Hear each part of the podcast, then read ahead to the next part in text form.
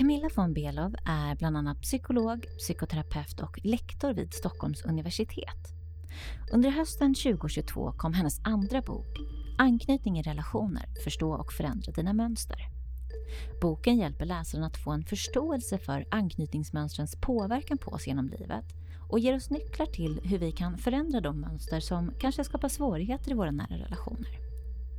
I det här avsnittet talar vi om vad de olika anknytningsmönstren gör med oss, vilka utmaningar vi kan möta i nära relationer på grund av dem. Vi talar även om föräldrarollen. Vad är det i anknytningspersonens beteende som påverkar att barnet utvecklar en trygg anknytning? Men också vad som gör att vi kanske inte får en trygg anknytning. 40% av alla barn saknar just en trygg anknytning och många i gruppen som känner igen sig i att vara medberoende finns bland de här. Men beror allt på vad föräldrarna gör och varför kan vår besatthet av att göra rätt i föräldraskapet utgöra ett hinder? Att ha en trygg anknytning innebär att vi är autonoma och fria. I det här avsnittet berättar Camilla mer om vad du kan göra för att göra dig mer trygg som vuxen.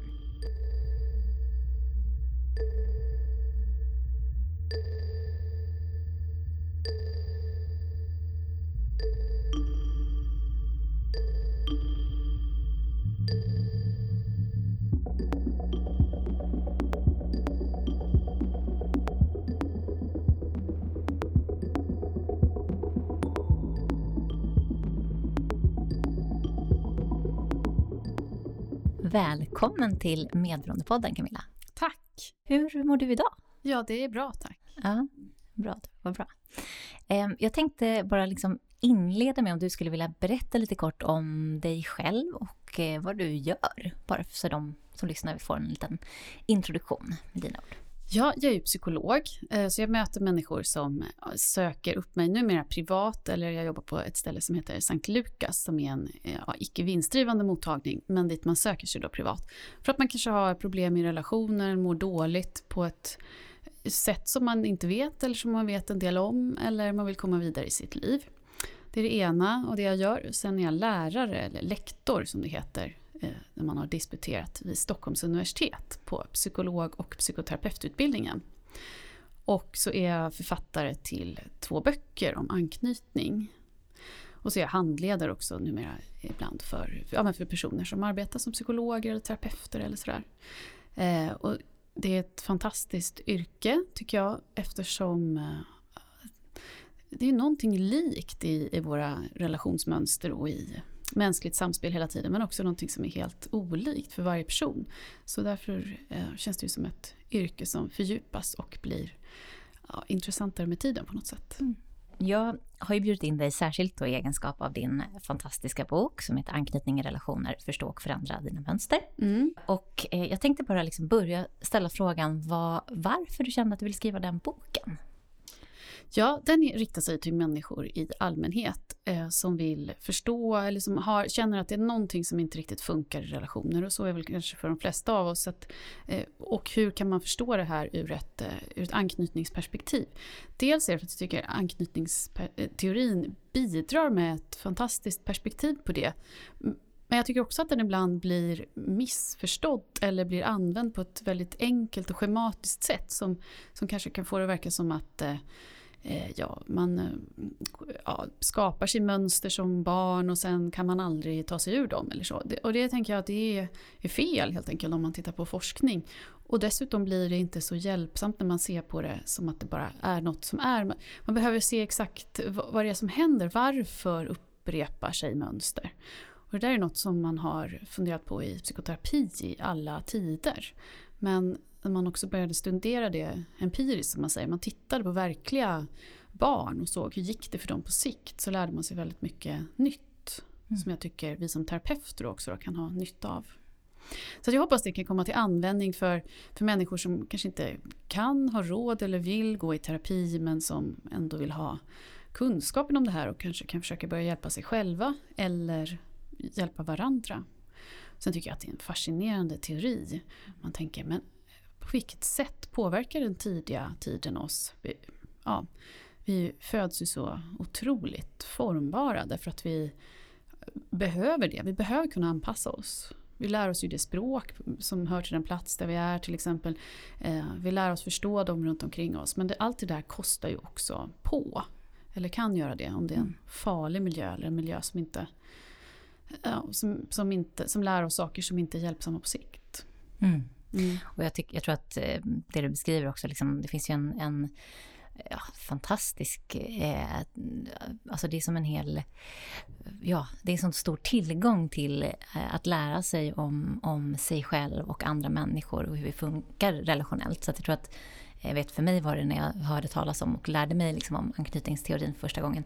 Då var det ju direkt revolutionerande. Liksom, mm. Att man börjar förstå saker och se saker på ett lite, lite mer klarsynt mm. eh, kring varför och, och, hur det kommer sig att vi gör på olika sätt. Eh, och att det också finns eh, någonting att ja, att det går att också utveckla och att det går att lära sig mer och att det finns eh, så mycket att hämta i den forskning som har gjorts. Precis. Den är väldigt gedigen. Liksom. Ja, och nu kommer jag på en sak till som är viktig och det är ju att om man är förälder så eh, vill man ju förstås ge sitt barn en bra start. Och då kan det, man kan också lätt tänka att allt måste vara perfekt eller att man måste göra vissa saker helt rätt. Och då tänker jag att anknytningsteorin också ger en viss lättnad i, i, den strävan. Man kan förstå men vad är det som är verkligen viktigt att uppmärksamma. Och, ja, en sån sak är ju att reparera när det mm. blir problem. Att man kan be om ursäkt eller att man förklarar för barnet vad som hände och så. Mm. Sådana saker tycker jag att det är viktigt att sprida kunskap om så man inte tror att man måste eh, göra föräldraskapet till en prestation där det ska vara perfekt. Jättebra att du tar upp det och vi kommer komma in på det lite mm. mer också just för att eh, det är ju just den här perfektionismen och, och så är ju eh, väldigt, väldigt vanligt förekommande hos de som känner igen sig att vara medberoende och mm. är föräldrar. Så vi, jag tänker vi pratar lite mer om det Bra. sen. Eh, mm. Men jag hade ju också Tor Wennerberg här och pratade om anknytningsteorin och då mm. gick vi igenom mycket själva forskningen och så men vi pratade inte jättemycket just kring eh, till exempel vad det är i föräldraskapet som på, eller anknytningsrelationen som påverkar att vi, ja, de olika anknytningsmönstren och så. Mm. Men, och, och, där har vi ju forskning att och liksom luta oss tillbaka på. Men om vi börjar i den här änden, eh, vad är det som, som liksom gör att ett barn får en trygg anknytning? Vad krävs av föräldrar? Eller vad gör, kan anknytningspersonerna göra så att säga? Ja, när man ser eh, på det forskningsmässigt då, då, får man ju, då tittar man alltid på gruppnivå. Det är en viktig och kanske Eh, på ett sätt tråkig sak att säga för att det är inga exakta svar. Alla barn är olika, alla föräldrar är olika. Men man kan se vad ökar sannolikheten för att någon ska få en trygg anknytning? Och vad innebär en trygg anknytning? Är den helt väsensskild från en otrygg? Om man säger då att Eh, trygg anknytning innebär på sikt att man är eh, friare att eh, känna och uppleva. Då. Så okej, okay, vad kan en förälder göra för att, för att uppmuntra det här? Man har sett att det som är allra viktigast som det kokar ner till, det är lyhördhet. Då tänker man å ena sidan, vad bra, då vet vi det. Å andra sidan, men lyhördhet, det är ett ganska svårfångat begrepp, eller hur? Mm, det som verkar rymmas i det är att man uppfattar någorlunda vad barnet känner eller vad barnet har för vilja och att man kan eh, svara på det, spegla det som man säger. Eller säga att ditt barn blir ledset till exempel. Man har en, eh, ett litet barn som eh, ja, ramlar ner från gungan exempelvis. Om man då speglar att ja, men nu, blev du, nu blev du ledsen för att du ramlade ner och slog dig och det kom oväntat så du kanske blev lite rädd också. Då har man ju gett barnet en möjlighet att förstå vad det var som hände inombords. Man har översatt det här som barnet har känt till något ord kan man säga. Eh, och det är tryggande i sig. Så man ger barnet en, en trygghet genom att kunna på något sätt förklara omvärlden och det som händer i kontakten med omvärlden. Hur, hur man känner sig. Det är en del i lyhördheten. Så man kan säga att man, man lyckas vara en trygg bas och en säker tillflyktsort. Säger man i anknytning. Mm. Eller trygg hamn mm. säger man ibland också. Den trygga basen, då hjälper man barnet att eller man gläds åt barnet när utforskar världen. Allt ifrån det lilla barnet som stoppar in saker i munnen till ett ja, större barn som kanske träffar vänner till ett vuxet barn som vågar ge sig ut på äventyr. Att man är med och gläds och lyssnar och hör hur det går utifrån när barnet vill ha kontakt kring det. Liksom. Eh, men också att man är den säkra tillflyktsorten eller hamnen när det misslyckas eller när barnet känner att jag orkar inget mer. Att, man, att det kan få eh, krypa ihop, bli tröstad och att det känns tryggt. Och att man på så sätt har fokus tillräckligt mycket på vad barnet känner. Mm. Det är en sån sak som bidrar. Så sen, sen har man också sett att samarbete på barnets nivå är bra. Eh, då brukar jag säga att man får samarbeta utifrån ehm, ja, vilken utvecklingsnivå barnet har. Man kan ju inte låta ett barn välja, ska jag ha kläder på mig eller inte? Ska jag gå ut bara i underkläderna och det är snö? Nej, men man kan, välja, man kan få välja vilka strumpor man ska på sig. Man kan förhandla lite om saker, men det finns också gränser för vad man såklart kan förhandla om. Mm. Så att man tar ansvar för det som vuxen. Jättefint. Jag tänker det är, så, det är så viktigt för att eh, ofta så blir det ju, och jag tänkte att vi ska prata lite mer givetvis om de här otrygga och desorganiserade eh, varianterna. Mm. Eh, men det är väldigt viktigt tänker jag att veta lite grann vad är det som, vad är det vi ska göra? Ofta så pratar vi om problemen så att säga. Vad är det som, vad kan man göra och eh, vad är det som, som eh, hjälper barnen till att eh, bli tryggare i sig själva? Ja, och en sak till där som man kan lägga till då, det är väl att när barnen har känslor, att man accepterar, säger en del forskare, respekterar, att man på något sätt eh, erkänner eller ser att de finns där fast man kanske inte håller med själv. Mm. Man kan tycka att barn reagerade överdrivet men man kan i alla fall säga ja men nu var du arg, ja ja så kan det vara. Men man visar att det, på så sätt visar man ju att det finns. Man försöker inte trolla bort känslan utan den finns och den kanske är besvärlig. Mm. Men att, att det får finnas helt enkelt. Mm. Mm. Om vi då går vidare och tittar lite grann, för jag tror att som vi pratade lite innan här om de som mm. lyssnar på det här känner ju igen sig ganska mycket kanske i de här som sagt lite otrygga eller mm. desorganiserade varianterna av anknytningsmönster. Mm. Eh, skulle du vilja beskriva lite grann hur, vad är det som kan liksom orsaka, om man nu kan mm. använda ett så starkt ord, en, en otrygg eh, undvikande till exempel då anknytnings eller ett anknytningsmönster? Ja, det finns det två, mm. två anknytningsmönster som är otrygga och det är undvikande och ambivalent anknytning. Sen är det ett, en avsaknad av mönster eller strategi säger man ibland. Och det är desorganiserad anknytning som du säger och många är bekanta med det förstår jag. Och kan man säga att undvikande och ambivalent anknytning är motsatser på det sättet att i undvikande anknytning så har man lärt sig eller dragit slutsatsen, låter som att man har tänkt på det, det har man ju inte, men man gör så att man eh, deaktiverar, man skruvar ner sitt anknytningsbeteende. Sitt, man försöker på något sätt skruva ner sitt anknytningsbehov kan man säga. Det vill säga, man har gjort erfarenheten att det funkar inte när jag uttrycker att jag är ledsen, behövande, kanske heller inte när jag är arg. Alltså när jag behöver tröst, stöd och så vidare. Vi tänker oss att för de allra flesta barn med undvikande anknytning så är det för att man har gjort den erfarenheten. Ja, men då vill man ju veta kanske då, men vad är det föräldrarna gör? Och där brukar vi som forskare och så vara försiktiga med att dra någon absolut slutsats. För att man tittar mer på vad är det barnen gör och sen har man en del hypoteser om det. Men det, det som ändå verkar, några olika vägar in dit tycks ju ändå kunna vara att en förälder är väldigt avvisande för känslor, alltså antingen öppet kritisk, att ja, men, sluta pjoska till exempel, eller att man får den känslan att man man är överdriven så fort man, man har ett behov. Det verkar kunna vara en väg dit. Eh, men också att, att en förälder möjligen då lägger sig i för mycket eller speglar helt fel. Vilket gör att man försöker hålla saker inom sig för att inte känna sig eh, missförstådd. Mm.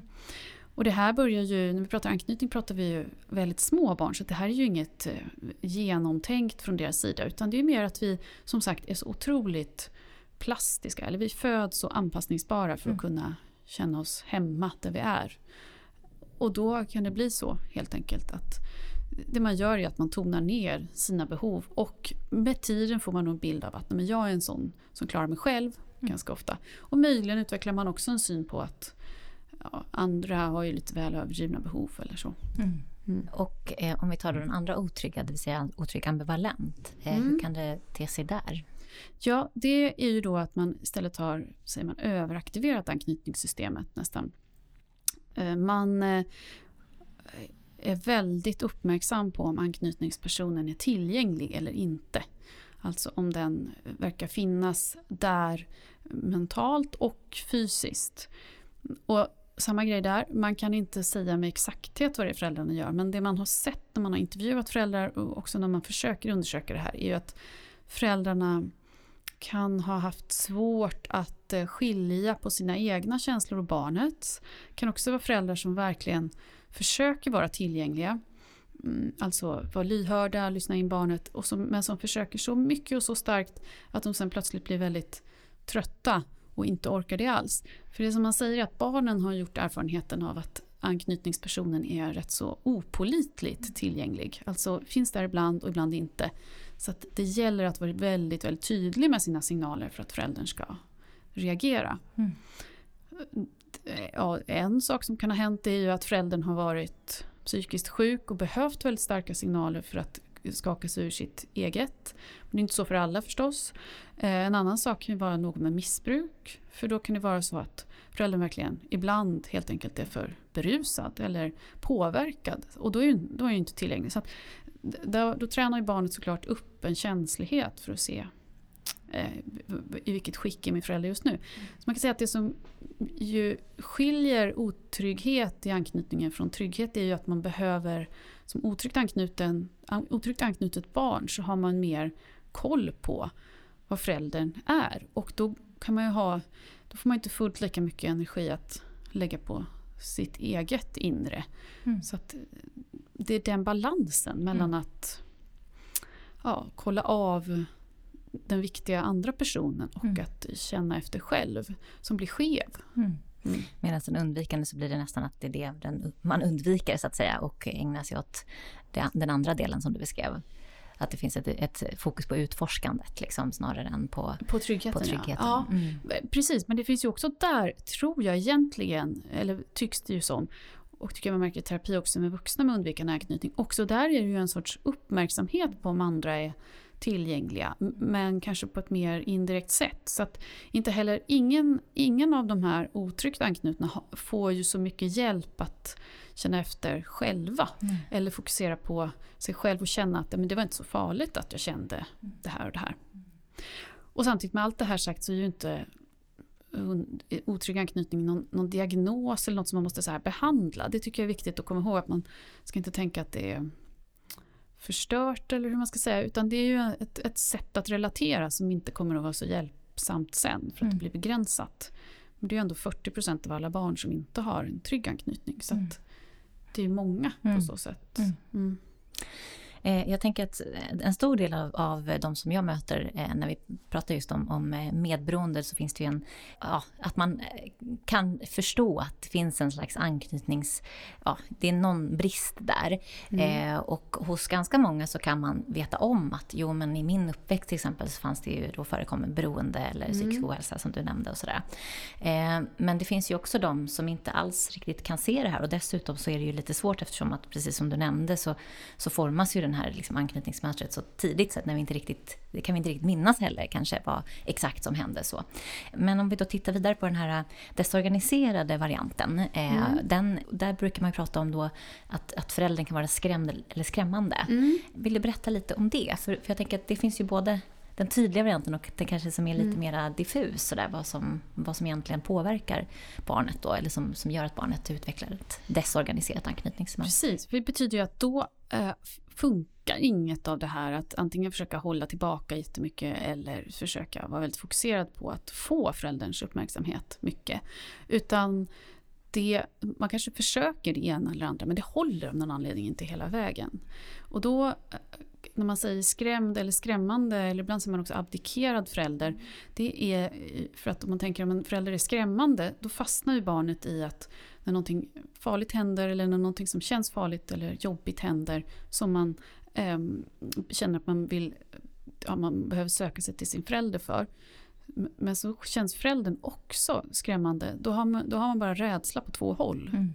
Och vad gör man då? Man blir stående i mitten och måste ta hand om den här obehagliga känslan själv fastän man inte alls är stor nog att göra det. Så det är den, eh, det obehaget och den rädslan som då inte tar slut mm. som är kärnan i desorganiserad anknytning kan man säga.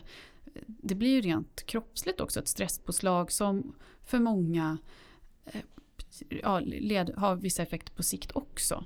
Eh, ja, så att det kan man säga är just den desorganiserade anknytningen. Så att, men den ser ju väldigt olika ut för olika mm. barn. Men när det då är mer en skrämd förälder. Det kan ju vara en förälder som själv har blivit traumatiserad. Exempelvis om en Säg att är, man har en mamma och en pappa men pappan har misshandlat mamman. Eh, så att hon eh, blir rädd när andra blir arga. Men barn blir ju arga ibland Och när då barnet blir argt eller skriker åt mamman så kanske hon blir rädd, inte för barnet egentligen, men för ilskan hos barnet. Och när hon ser rädd ut så blir det väldigt skrämmande för barnet. Mm. Som då på något sätt möjligen kan göra kopplingen, ja, men, så när jag är, rädd, när jag är arg då, då blir det väldigt läskigt. Det är farligt att vara arg. Alltså på ett, eh, ja, det är klart att barnet inte kan uttrycka det än, men mm. ändå på något sätt känner det inom sig mm. att, att ilska är väldigt farligt. Mm. Och skrämmer upp andra och det finns ingen eh, det finns ingen mamma nu som kan rädda mig från det här. Mm. Och det är ju en sån erfarenhet som blir väldigt jobbig för ett barn. Och den skrämmande varianten då som kanske lite, kan vara lite tydligare då eh, i och med att den är mera direkt. Liksom. Hur, hur kan den ta sig uttryck? Ja, men det är ju till exempel en förälder som faktiskt är våldsam, som slår barnet eller som skriker åt det eller som är så här uppenbart eh, våldsam och i sig skrämmer barnet. Eller skrämmer genom hot också, på något sätt är skrämmande. Och det kan man ju säga att den skrämda föräldern eller den traumatiserade föräldern också är. Men för en utomstående så är det kanske lättare att se den här föräldern som, se att en förälder är, är skrämmande ja, i sin egen rätt, vad ska man säga, alltså misshandlar eller så exempelvis. Mm. Men det är viktigt att komma ihåg också att traumatiserade föräldrar kan få svårt trots all sin välvilja, att, att möta vissa känslotillstånd hos barnet. För att det, det kan bli så att det egna känslotillståndet upptar en så mycket så att man mm. inte just där och då kan se sitt eget barn. Mm. Så det är en stor uppgift för terapeuter att eh, hjälpa människor att bearbeta det som de har varit med om. Mm. Så att inte det står i vägen för att kunna ge plats för sina barn. Eh, kan du, för du nämnde lite grann det här kring liksom, eh, känslor och så. Mm. Jag tänker att på, på, vilket sätt, vad, hur har anknytningen, vad har den för relation till just våra, vårt sätt att liksom vara i våra känslor och sådär? Vi, föd, ja, vi mm. föds ju med eh, förmågan till att känna massa saker. Och en del saker kommer vi att känna automatiskt, kanske för mycket sagt, men ändå nästan som en följd av att något händer. Om någon rycker något ur händerna på dig som du ville ha just då, så kommer du att känna dig arg. Det är ju bara helt rimligt. Eller om någon bara plötsligt ställer sig i vägen. Sådana saker eh, kommer vi att känna och det känner även små barn. Eh, tänker man sig. Och då eh, behövs ju en omgivning för att kunna dels reglera, hantera, kunna skruva ner det här lite grann för sig själv och för att förstå vad, vad man känner och hur man ska kunna uttrycka det på ett okej sätt. Så att vi, vi eh, Ja, det är konstigt när man läser anknytning faktiskt. För att då, ju mer jag har läst desto mer tänker jag så här, vi blir ju verkligen individer, inte på egen hand utan genom andra människor. Det, man, upphörs inte, man upphör inte att fascineras över att mm. det är så. För att man behöver få det speglat dels vad man känner, att någon faktiskt har sett att det är den här känslan du har just nu och bekräftat det. Men också att någon hjälper till så att man kan uttrycka dem på ett ja, sätt som funkar socialt så man inte skrämmer bort andra. Man kan ju inte börja slåss varje gång man är arg. Det är det där som barn i trotsåldern håller på med. Mm. Och träna på. Att vilja saker och att ibland få som man vill, ibland inte. Att kompromissa med andra och sådär. Och vi fortsätter ju behöva träna på det genom hela livet. Så här, hur, ska vi, hur ska jag kunna få det jag vill? Så det är ju då eh, exempelvis ilska. Men sen är det samma sak med ledsenhet. Eh, när vi har kämpat på ett tag med någonting och så till sist känner vi att jag orkar inget mer, nu ger jag upp, jag vet inte vad jag ska göra. Då kan man känna sig ledsen, så här, trött, man behöver hjälp från någon annan. Nu känns det hopplöst. Den känslan, den eh, har vi också med oss kapaciteten för. Då krävs ju ett annat gensvar från omgivningen för att vi ska förstå den och kunna göra den här erfarenheten att ja, vad skönt, man behöver inte ta hand om allting själv utan det finns andra som hjälper till, som ser att jag är ledsen och när jag har vilat ett tag och blivit tröstad, ja men då kanske jag känner att jag orkar ställa mig upp igen och fortsätta lite. Mm. Och på samma sätt så är det ju med, med andra grundkänslor pratar man en del om, men olika känslotillstånd alldeles oavsett. Vill du beskriva vilka de grundkänslorna är? Ja, ett sätt att eh, räkna grundkänslorna det är ju att, att prata om ja, sju eller nio grundkänslor. De är lite olika långa och korta i sitt uttryck men de har det gemensamt att de är en tydlig kroppslig känsla och, och är ofta en reaktion på något och dessutom eh, kommunicerar till, till varandra. Vi kommunicerar till varandra redan innan vi kanske fattar att vi själv känner det. Exempelvis om man är rädd. Om, om det skulle komma ett brak här och du ser rädd ut, då skulle jag kanske också bli rädd. För jag tänker, oj men vad, vad är det som händer här? Eh, och det ska ju gå snabbare än själva tanken. Du ska inte behöva säga något till mig så, utan så fungerar vi bara som människor. Mm. Men då är glädje och intresse är de två positiva känslorna. Det är lite dystert att det bara är två, och sen är det många fler negativa. Det positiva då är ju att vi tycker att, att de är härliga att uppleva och att det betyder att man närmar sig något. Man vill ha mer av något. Glädje då, inte som i den euforiska glädjen brukar man tänka, utan mer den här, jag är nöjd, på engelska joy. Jag är, åh vad härligt det är att vara här. Mm. Med vänner till exempel eller så. Intresse är mer det här, men vilken spännande person, jag vill gå närmare och prata mer med den exempelvis. Eller, jaha eh, vad kände jag nu? Alltså att man vill utforska någonting. Då, har man ett, då känner man affekten intresse. Och då, det syns ofta på att man kanske öppnar ögonen och tittar mer, man blir väldigt uppmärksam. Och det kan man se tydligt på barn. Barn har jättemycket av den som då leder till utforskande. Om barnen har det bra. Liksom.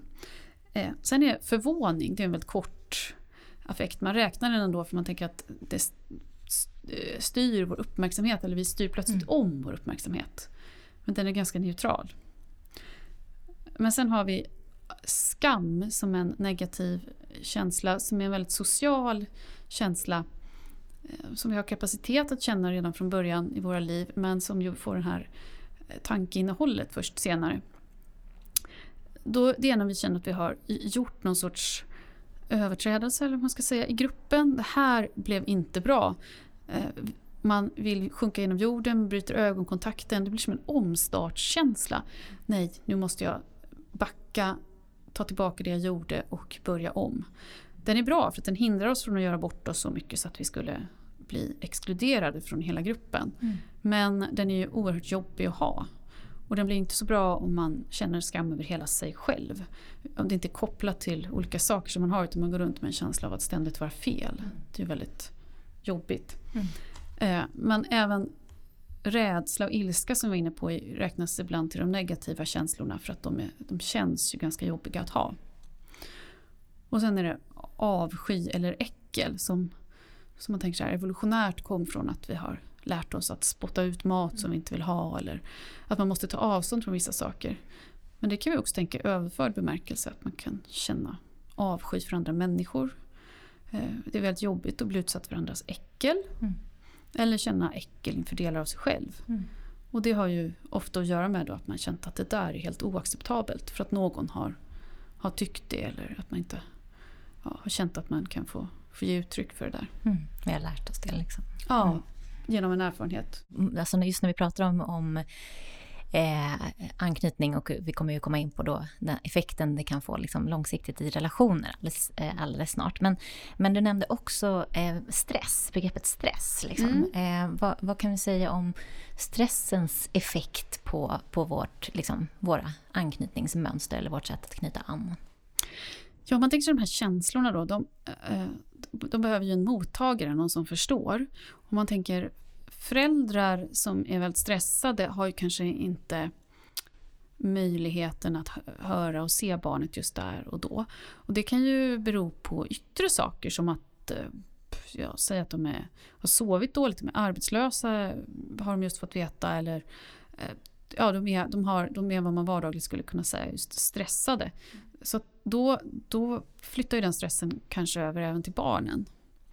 Eh, men om man tänker att det som väcker vårt anknytningssystem är ju känslan av att något är farligt, okänt eller så. Och då vill man få kontakt med sin anknytningsperson för att känna, men du, är det här något som jag vågar vara i som barn? Och som barn, när man är riktigt liten så är man ju väldigt hjälplös och då behöver man eh, anknytningspersonen oftare men ju äldre vi blir desto mindre behöver vi det och desto mer kan vi också tänka på vad, vad den personen skulle ha sagt.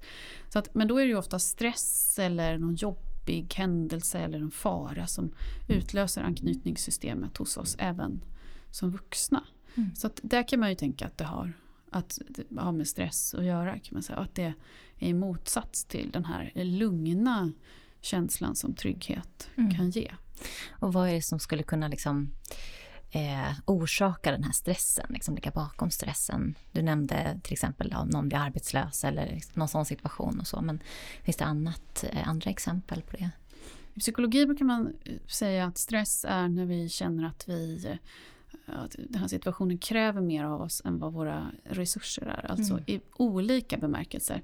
Någon ber en att uh, tala inför hela arbetsgruppen men man är en blyg person och känner att det här inte funkar. Då har man det är tydligt högre krav än vad man känner att man kan leva upp till. Eller man har flera barn och känner att man inte lyckas hjälpa allihopa med läxorna. Eller man har ett jobb man tycker det är så svårt för man vet inte hur man ska kunna hantera vissa saker. Eller man är inför någon annan situation, händer något hemskt, någon dör och man känner att det här, jag klarar inte det jag ser inte hur jag ska kunna mm. ta mig vidare. Då, blir, då känner man den här, det här påslaget av stress. Stress i sig kan ju vara en positiv sak också, alltså att vi blir lite taggade inför något. Men den negativa stressen är ju mer när man känner att man inte riktigt har vad som krävs för att orka med situationen. Mm. Så att, men och vad det är då, det kan ju vara såklart olika från person till person.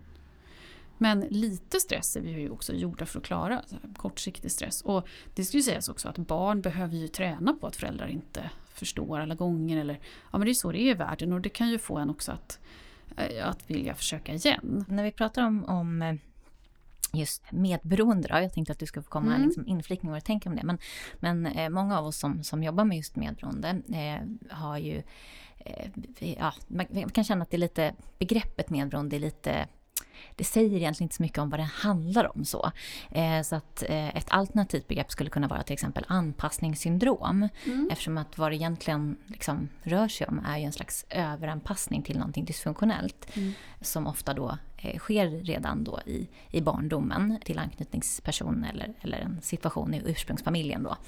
Som sen gör att vi liksom har med oss den här, att vi liksom inte lär oss att vara helt eh, i oss själva, liksom upp, uppkopplade på oss själva utan vi istället liksom överger oss själva och mm. går in väldigt mycket i, i anna, andra och annat eh, mm. utanför oss själva på ett sätt där vi mår dåligt av det till slut. Liksom. Mm. Vad, vad tänker du om det som jag berättade och vad har du själv för liksom, relation till begreppet medberoende? Ja, jag kan samtidigt tycka att det är svårt, begreppet medberoende, just för att vi behöver ju alla anpassa oss till varandra för att kunna klara av att leva ihop. Så att mm, själva, ja, men det här är bara min personliga mm. reflektion, mm. men själva begreppet kan ju på något sätt eh, ge sken av att ja, det bästa är om alla är oberoende och inte, blir inte anpassar sig efter varandra. Det skulle ju inte vara hållbart. Men så som jag väljer att förstå det då kan man säga och som jag väljer att förstå det från anknytning också är ju att eh, just som du säger den här eh, anpassningen som gör att balansen mellan eh, hur mycket uppmärksamhet jag lägger på andras tillgänglighet, hur de mår, vad de vad de gör just nu och hur, det, hur jag låter det styra mitt beteende och mina tankar och känslor. Eh, den balansen mellan det och mitt eget som mer kommer inifrån. Om man tar det just upplevelsemässigt, att jag liksom lyssnar inåt istället. Mm. Trots att det kanske då kommer i konflikt med de andra. Att, ja, de kanske blir lite arga över det här eller tyvärr besvikna. Men det, det är så som det är när vi lever tillsammans. Mm. Jag tänker, har man då vant sig vid att andra blir farliga när, de, när man gör dem besvikna eller att de blir ja, väldigt arga um, eller ledsna och det blir ohållbart. Ja, då kapar man ju den sidan av sig som, som eh, fokuserar på egna behov. Och jag mm. tänker att det är det du beskriver och det känner jag igen väldigt väl från terapier. Mm. Det är många som ja, känner just att jag har tappat bort mig själv mm. i det här. Mm. Och det är ju också när vi då berör just känslor så är det ju väldigt många som har eh, antingen så har man väldigt, eh, vad ska man säga, eh, känner vissa känslor väldigt starkt. Liksom. Mm. Eh, eller så, så har man börjat förtrycka och förtränga eh, sina egna känslor för att det, liksom, det skapar mest förvirring så att säga i, i en. Och, eh, men det blir ju också resultatet är att man kanske försöker inte då känna av det här jobbiga men resultatet mm. blir ju ofta då att man inte heller liksom får ta del av de då som vi kallar för positiva. Det ju, kan vi ju mm. ja, värdera lite olika. Men, men det som du beskrev med glädje, jag tänker lust, liksom lekfullhet, mm. sådana känslor, det som, som är förknippat med det. Mm. Eh, att det också blir liksom drabbat av, av mm. det här förtryckandet och, och kväsandet av, av de egna känslorna. Mm. Vad tänker du om, om det?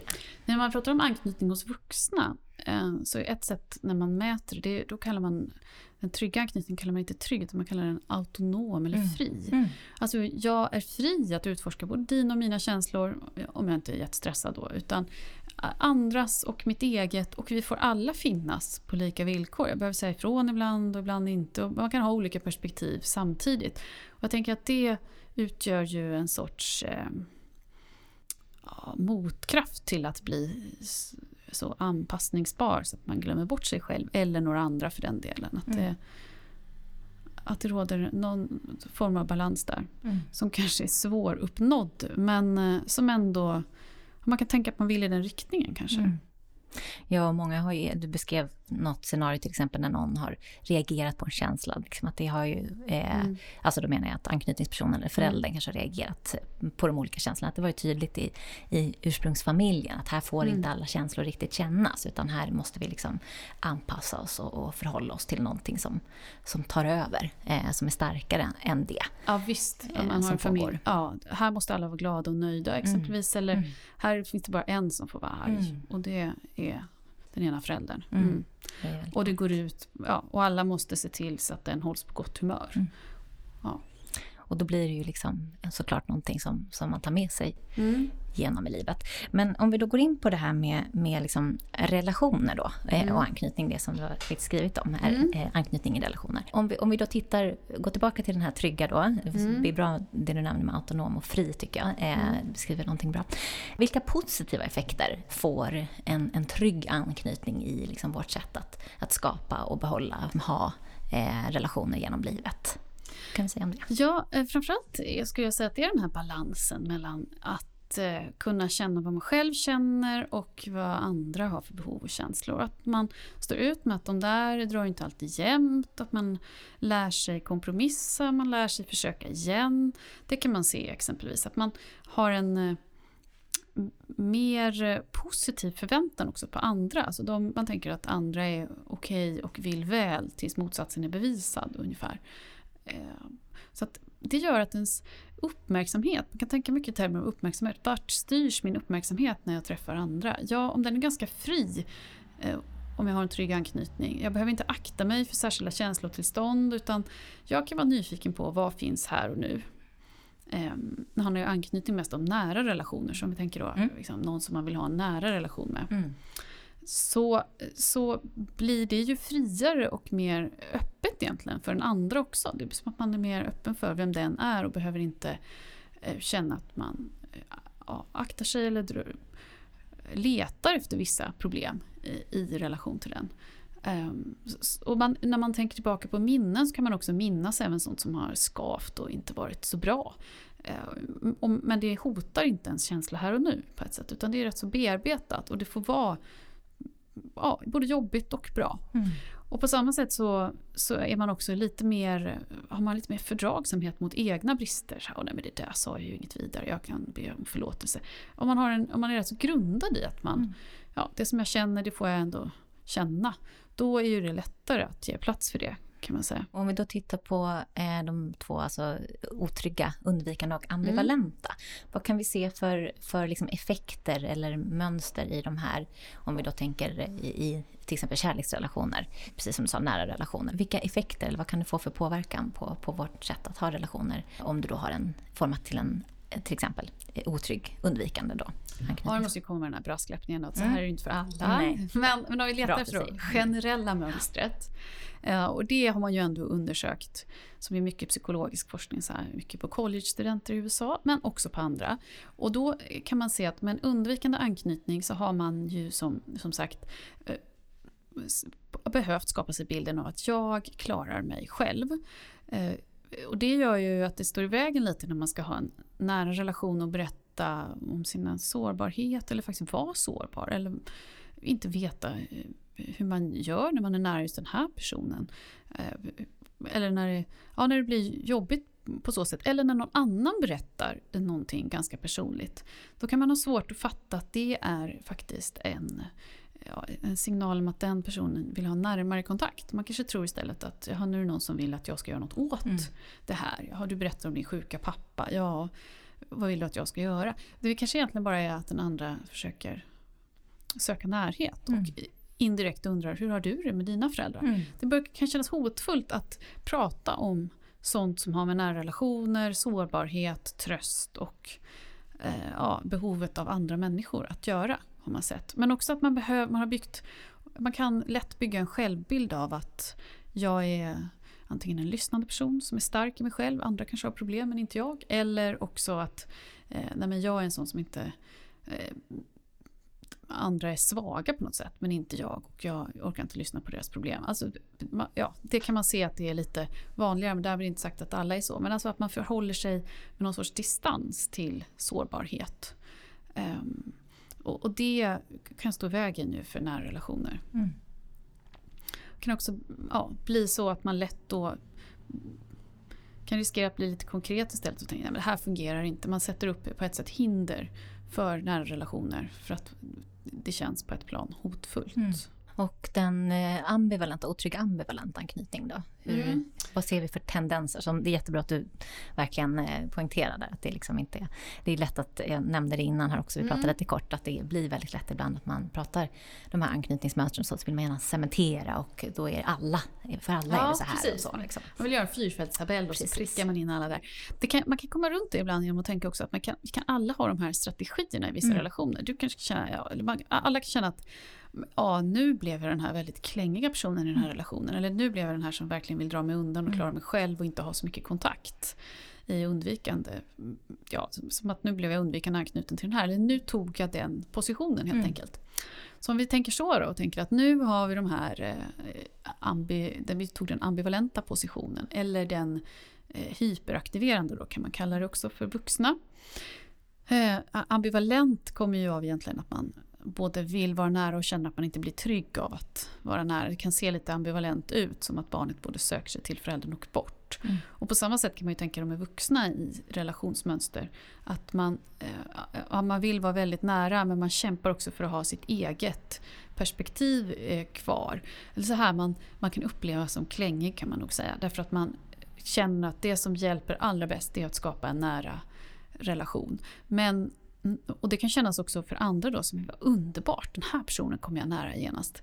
Men det som kan kännas för andra efter ett tag är att eh, nej den här personen vill ju vara nära men kanske inte för att den är så intresserad av mig utan mer för att den använder den här relationen för att inte få ångest.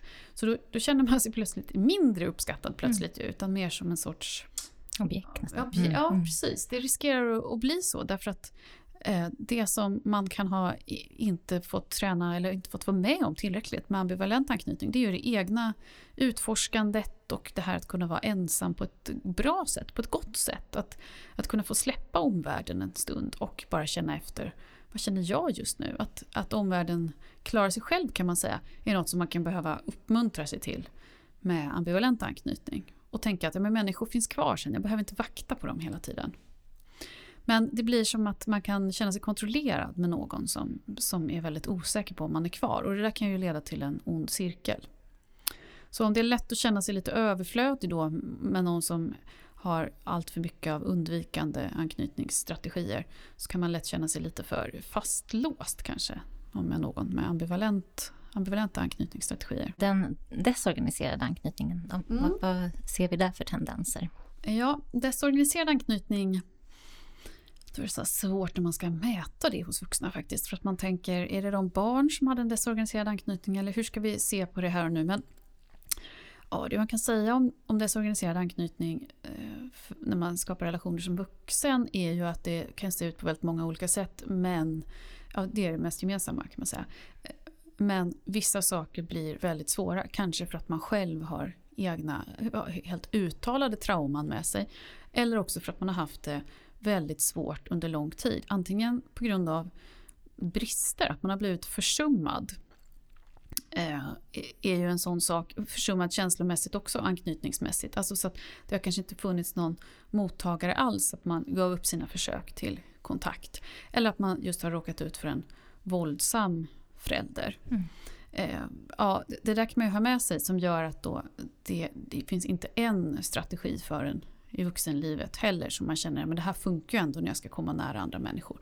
Utan man både skräms av närhet och känner att man behöver den. Så att andra kan uppleva att det blir en väldig växling mellan att, att vara, klara sig själv och vara avvisande och att försöka vara väldigt nära. Det blir svårt då att, att skapa en, en varaktig relation. Så kan det se ut för vissa. För andra kan det se ut så att, att det funkar rätt så bra för det mesta men det är ibland någonting som triggar ens ja, minnen av att ha varit med om hemska saker som inte helt är bearbetade. Till exempel om någon blir arg då mm. så kanske man, man känner att man det bara eh,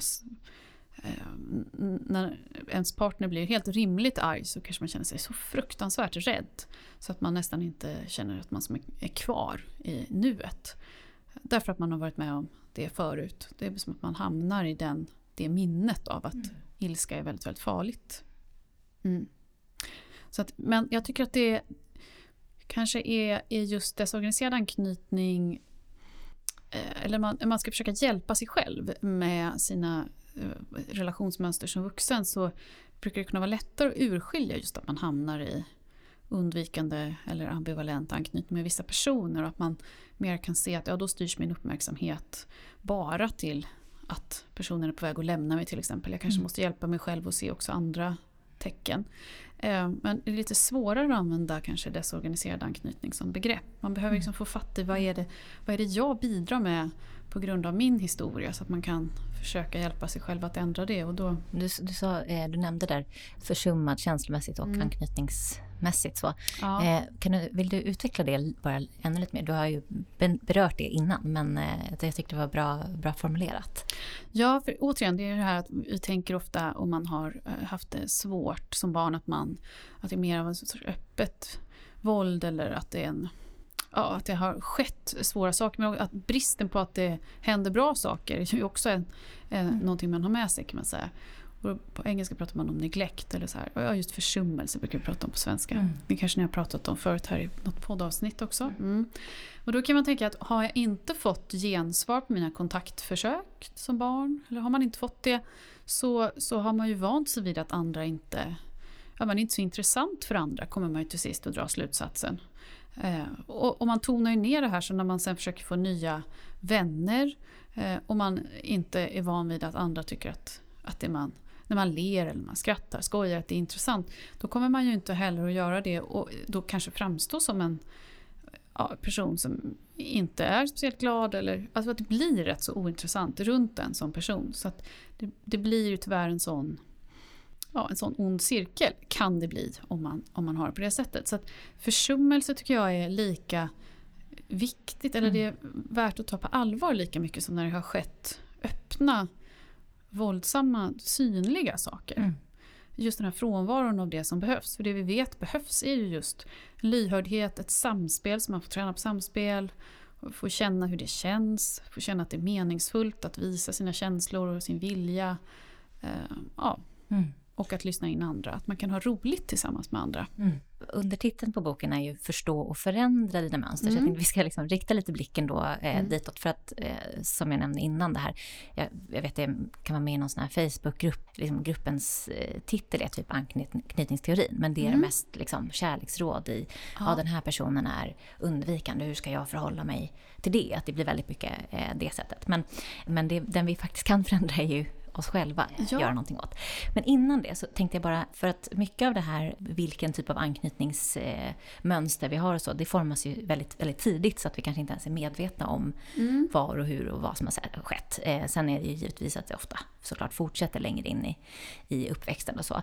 Men hur ska man veta vilket anknytningsmönster man har? Eh, ja, som vuxen tänker jag då. Mm. Precis. Då skulle jag vilja fråga, varför vill du veta det då? Mm. Eh, är det, vad är det man hoppas hoppas på då?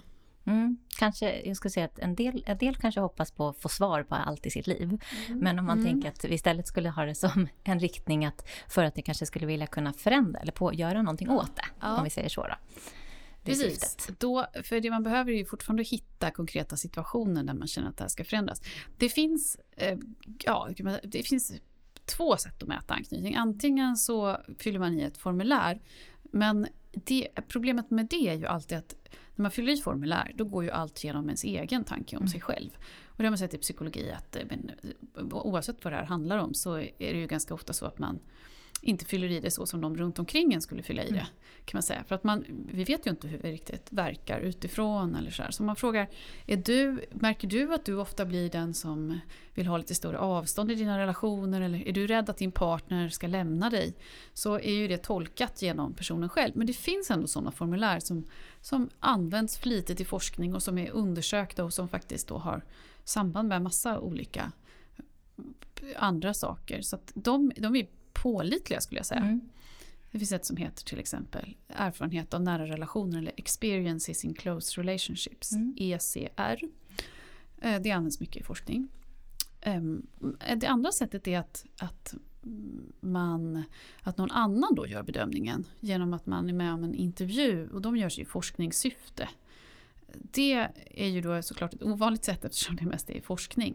Eh, och inte liksom för att individen vill utan för att forskarna vill se hur gick det på lång sikt. Om man forskade på några barn till exempel och sen så träffar man dem igen när de är 20 och så gör man en sån intervju. Och det man kommer åt då det är mer så här, vad, vart riktar den här personen sin uppmärksamhet? Om jag frågar efter minnen av viktiga relationer, mm. vad kommer man att komma ihåg då? Kommer man att komma ihåg tillfällen då man blev lämnad? Um, eller kommer man att beskriva hur, hur stark man själv har varit? Eller vad, vad, vad gör det här med mig inombords? Eller kan jag röra mig fritt bland mina minnen? Det är sånt som man försöker fånga i den intervjun. Mm. Och en del av det där är ju mer då omedvetet. Så att det, på så sätt är det mer tillförlitligt.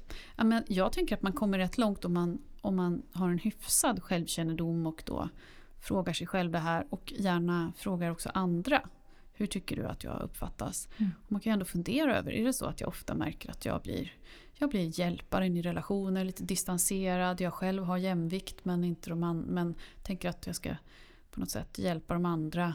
Eh, har jag vissa undvikande strategier för mig för att slippa visa sårbarhet eller är jag väldigt rädd för när jag blir ledsen och arg och sådär. Mm. Då kan man ju tänka att ja men det tycks ju vara undvikande anknytning.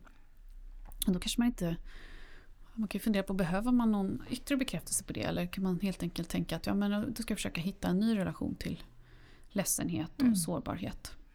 Eller med ambivalent anknytning, det kan ju kan hända då att man märker det lite mer tydligt. Att man får höra att man är klängig eller att man ofta eh, känner att man inte klarar sig på egen hand om man är i en nära relation. Eller undrar vad den andra är eller har väldigt nära till svartsjuka. Och så här.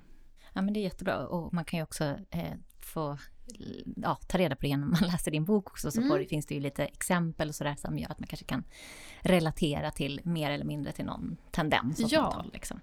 Men innan vi går in på det här, då, hur vi kan nu göra någonting, förändra och förstå och förändra det här då. Bara lite eh, kort om, om mentalisering. Eh, mm. Och, och, jag vill ta upp det därför att eh, du också benämner vid ett tillfälle i boken just för vi pratar om känslor och mm. Eh, jag tar upp det här därför att eh, någonting annat som är vanligt som jag ser eh, hos de här personerna som identifierar sig som medberoende det är att man har lite problem i sin relation till sina känslor eh, men att vi ofta hamnar i, i såna situationer där man grubblar. Mm. Liksom vi fastnar i huvudet mm. kring saker och analyserar och det går runt. Och du skriver lite grann om det i boken mm. också. Men, men för de som inte riktigt eh, känner till mentalisering, vill du beskriva det lite kort först och sen lite dina tankar kring det? Ja, Eh, Eh, att förstå sig själv utifrån och andra inifrån säger man ibland att det är. Att mentalisera är att förstå både sina egna och andras känslor som uttryck för en vilja. Det är någonting som, som vi föds med en potential till men inte heller det kan vi utveckla på egen hand förstås för det har ju med andra människor att göra också. Det är en jättespännande utveckling faktiskt också, precis som anknytning är det. Men en trygg anknytning underlättar för oss att utveckla mentalisering. Dels för att vi får eh, hjälp att förstå våra känslor så som vi pratade om för en stund sedan.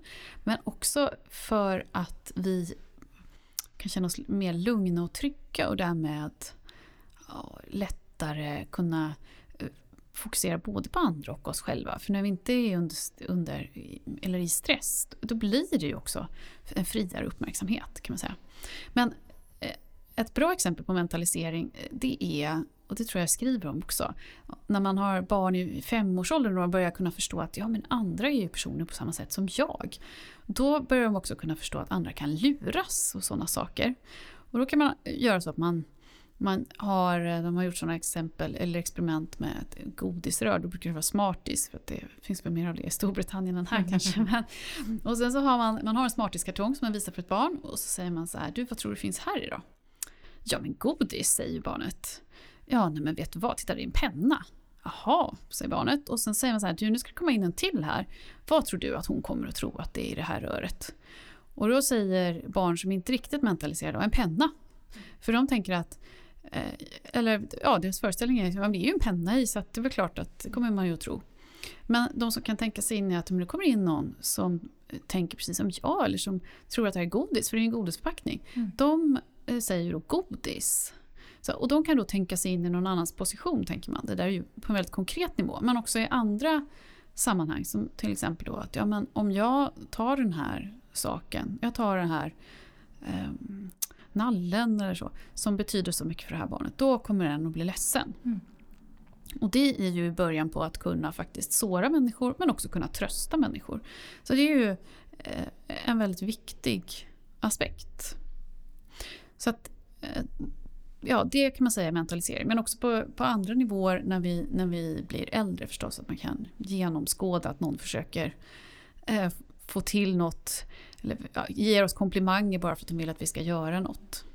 Ja, men du som är så fantastisk på att Lite manipulerande ja, liksom. Laga god mat. Kan inte du ta hand om det här Ja, exakt så. Lite manipulerande. Mm. Eh, eller bara att någon försöker få oss att göra en tjänst. Alltså det, blir, det blir bra för att vi kan slå vakt om våra egna intressen, vi kan förstå vad andra vill. Och vi kan, men det kan ju också um, Eh, det behöver vara balanserat för att man ska orka med att mentalisera. Det som kan hända när man grubblar mycket är ju att man börjar spekulera lite väl mycket.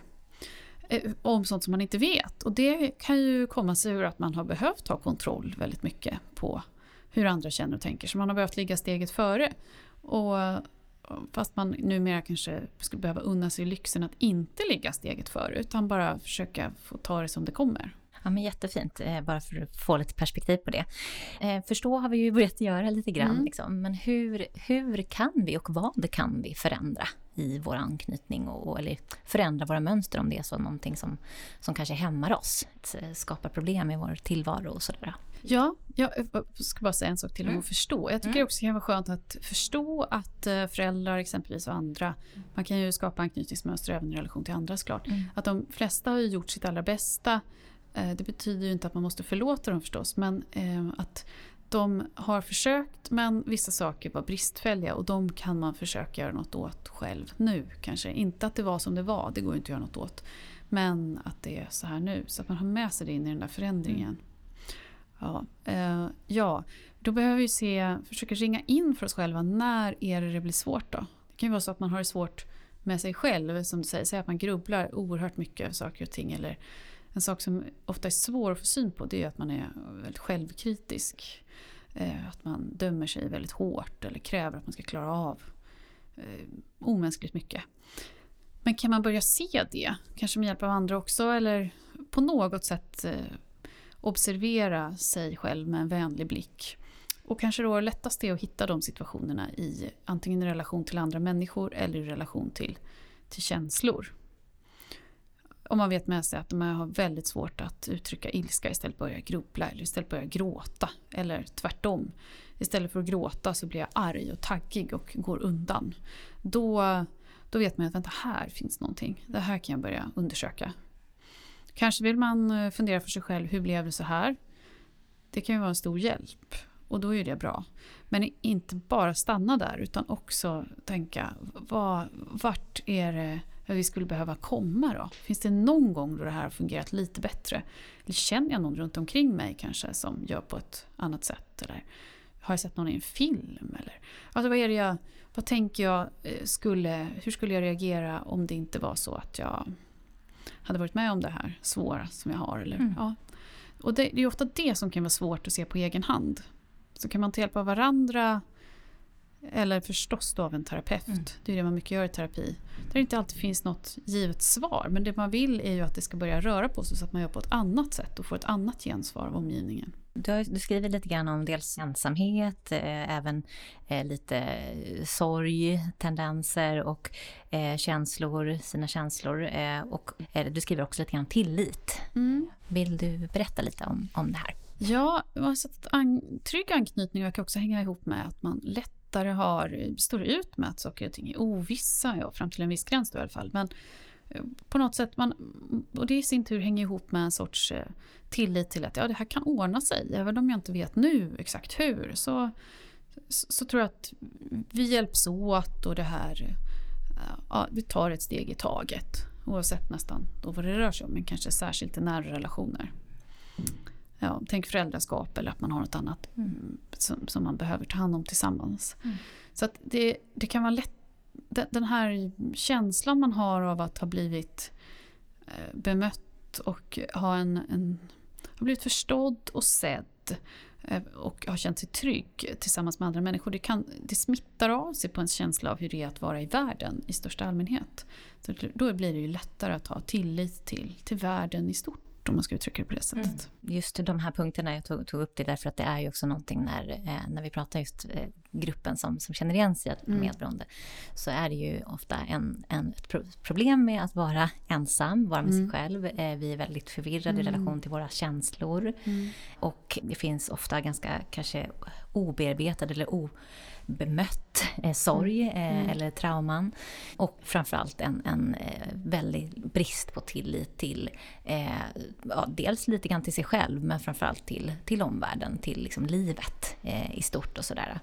Hur kan man göra? Vad kan man göra för att förbättra det här? Liksom? Men först av allt tycker jag att man behöver känna att det, det, är inte konstigt att det är så här. Alltså, det är så ens värld och ens liv har sett ut. Det, har inte, det hade inte varit bra att ha tillit när det inte finns något att ha tillit till.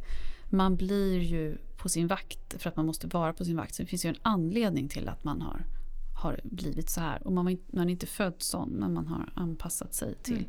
till att det är så. Och det är jättesvårt för oss på ett sätt ju. Ja, men det säger jag inte för att nej men inte, inte på ett negativt sätt, men om man kan ta med sig det som en sorts självmedkänsla. Mm. Det, det, är fakt, det är väldigt svårt om man har vant sig vid att man ska vara på sin vakt. Att plötsligt inte vara det, för det kan ju väcka en väldig skräck. Men om man kan tänka ändå att eh, jag, jag, vill, jag, jag, vill ha den riktningen att jag inte ska behöva vara på min vakt. Jag, jag försöker ordna det runt mig så att jag inte behöver vara på min vakt. Så det här är, det här är minnen som spökar, så att man kan skilja ut hur det är nu från då. Och det beror ju på, nu tänker jag mer som terapeut, mm. Eh, det beror ju på om man, eh, hur konkret det här blir för en. Om det är som att minnena nästan är som eh, flashbacks eller alltså som alltså, återupplevanden. Då kan man ju också behöva rätt så konkret hjälp för att ta sig tillbaka. Liksom känna, se sig runt i rummet, se vad finns det här. Men det, nu är jag ju inte där. Men om det mer är en känsla av att behöva ha en vaksamhet så kan man ju försöka hjälpa sig att, att se i vilka situationer är det faktiskt så att jag kan lägga min vaksamhet åt sidan. Jag kan själv välja vart jag styr min uppmärksamhet. Även om jag inte kan välja om jag håller på att bli vaksam eller inte. Men jag kan välja om jag ska gå in i den, kanske möjligen. Men som du säger så finns det ofta rätt mycket känslotillstånd som, ja, som inte har fått komma till ytan. Så ibland är man ju vaksam därför att man har någon känsla själv som, mm. som känns eh, riktigt Som man kanske inte vet farlig. ens vad det är mm. man känner. Utan Nej. Att liksom en, och, och då känns det läskigt och skrämmande. Precis. Och känslan i sig är ju faktiskt inte farlig. Men den har ju säkerligen känts väldigt farlig när man var liten. Eh, behövde andra och den inte var tillåten. Så det är mm. inte konstigt att mm. det känns så. Du skriver lite grann också om det här med eh, behovet av liksom, anknytningssystemet eller så, även som vuxen. Mm.